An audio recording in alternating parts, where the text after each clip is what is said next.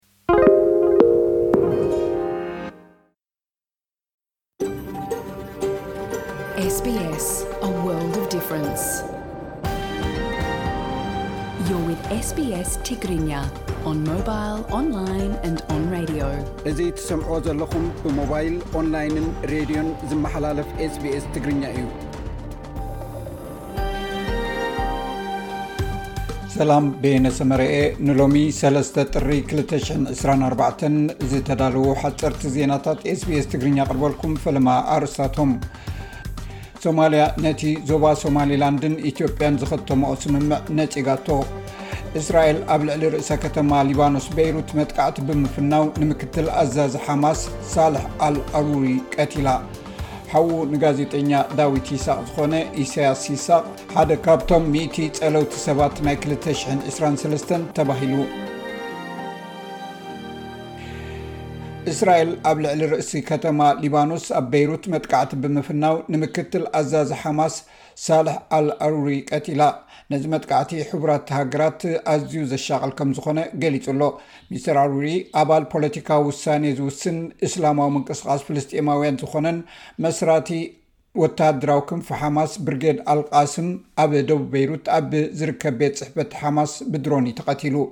ኣገልግሎት ዜና ሊባኖስ ከም ዝሓበሮ ኣብቲ ብእስራኤል ኣብ ሓደ ቤት ጽሕፈት ሓማስ ዘጋጠመ መጥቃዕቲ ካልኦት ሓሙሽተ ሰባት ከም እተቐትሉ ክልተ ካብ ምንጪታት ጸጥታ እቲ ከባቢ ድማ እቲ መጥቃዕቲ ንኣኼባ ዒላማ ዝገበረ ከም ዝኾነን ካልእ ፍልስጤማዊ ኣዛዚ ሰራዊት እውን ከም እተቐትለን ገሊጾም ኣለዉ። ሓንቲ ነፋሪት መገዲ ኣየር ጃፓን ኣብ መዓርፎ ነፈርቲ ሄንዳ ምስ ሓንቲ ንእሽቶ ኣውሮፕላን ድሕሪ ምግጫዋ ነዲዳ። ኣብታ ነፋሪት ዝነበሩ ሰለስተ ሚእትን ሰብዓን ትሽዓተን ሰባት ብደሓን ክወጹ ከለዉ፣ ኣብታ ንእሽቶ ነፋሪት ዝነበሩ ካብቶም ሽዱሽተ ሰራሕተኛታት እቶም ሓሙሽተ ከም ዝሞቱ ተፈሊጡ።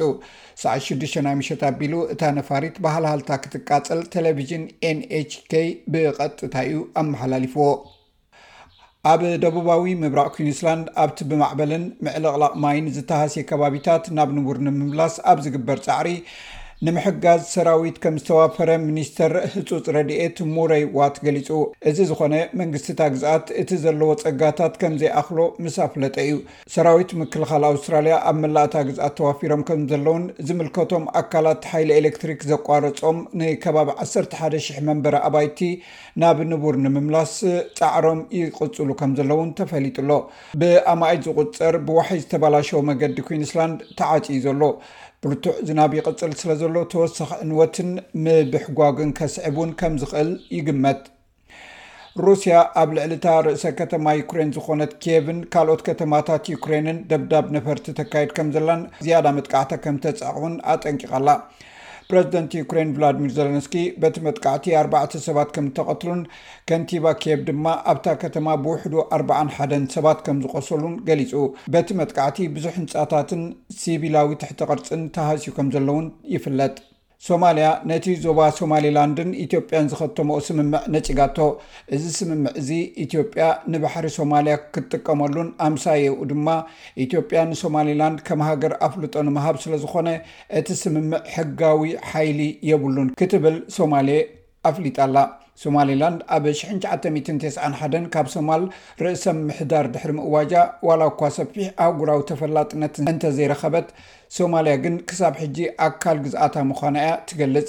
ፕረዚደንት ሶማልያ ሓሰን ሸኽ መሓመድ ምስ ኢትዮጵያ ዝተገብረ ስምምዕ ንሉኣላዊነት ሃገሩ ዝጥሕስ'ዩ ኢሉ። ካብ ሶማልያ ጭራም ናይ ምሃብ ስልጣን ዘለዎ ኣካል የለን፣ ኣባሓጎታትና ነጺጎሞ፣ ኣዴታትና ውን ነጺገኖ እየን ንሕና ባዕልና ምድርና ኣይንህብን ኢና ዝከኣል ውን ኣይኮነን ሶማልያውያን ፈጺሞም ኣይቅበልዎን እዮም ክብል ድማ ጽኑዕ መርገጺኡ ኣፍሊጡ። ሶማልያ ብምኽንያት እቲ ቀዳማይ ሚኒስተር ኢትዮጵያ ኣብይ ኣሕመድን መራሒ ሶማሊላንድ ሙሴ ቤሂ ዓብድን ዝኸተምዎ ስምምዕ ንኣምባሳደራ ካብ ኢትዮጵያ ስሒባቶ ኣላ። ሓዉ ንጋዜጠኛ ዳዊት ይሳቅ ዝኾነ ኢሳያስ ይሳቅ ሓደ ካብቶም ሚእቲ ጸለውቲ ሰባት ናይ 223 ተባሂሉ ኣብ ሽወደን ከተማ ዩቴበሪ ኣብ ዓመተ 223 ካብ ኣብ ዝተፈላለዩ ዓውድታት ዝተሓርዩ ሚእቲ ሓያላት ሰባት ሓዉ ናይቲ ኣብ ኤርትራ ብመንግስቲ ተጨውዩ ኣበይ ከም ዝኣተወ ዘይተፈልጠ ጋዜጠኛ ዳዊት ይሳቅ ዝኾነ ኢሳያስ ይሳቅ ሓደ ኮይኑ ተረቂሑ ኣሎ።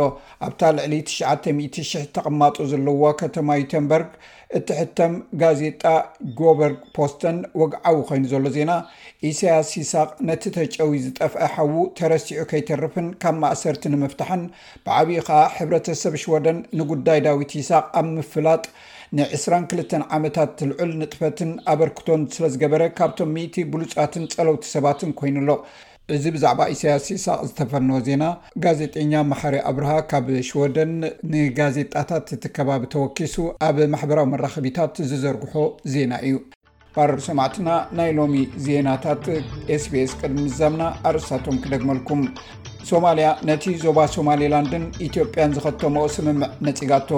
እስራኤል ኣብ ልዕሊ ርእሰ ከተማ ሊባኖስ ቤይሩት መጥቃዕቲ ብምፍናው ንምክትል ኣዛዚ ሓማስ ሳልሕ ኣሩሪ ቀቲላ ሓዉ ንጋዜጠኛ ዳዊት ይሳቅ ዝኾነ ኢሳያስ ይሳቅ ሓደ ካብቶም ሚእቲ ፀለውቲ ሰባት ናይ 223 ተባሂሉ እዚ ረድዮ ስቤስ ብቋንቋ ትግርኛ ዝፍኖ መደብ እዩ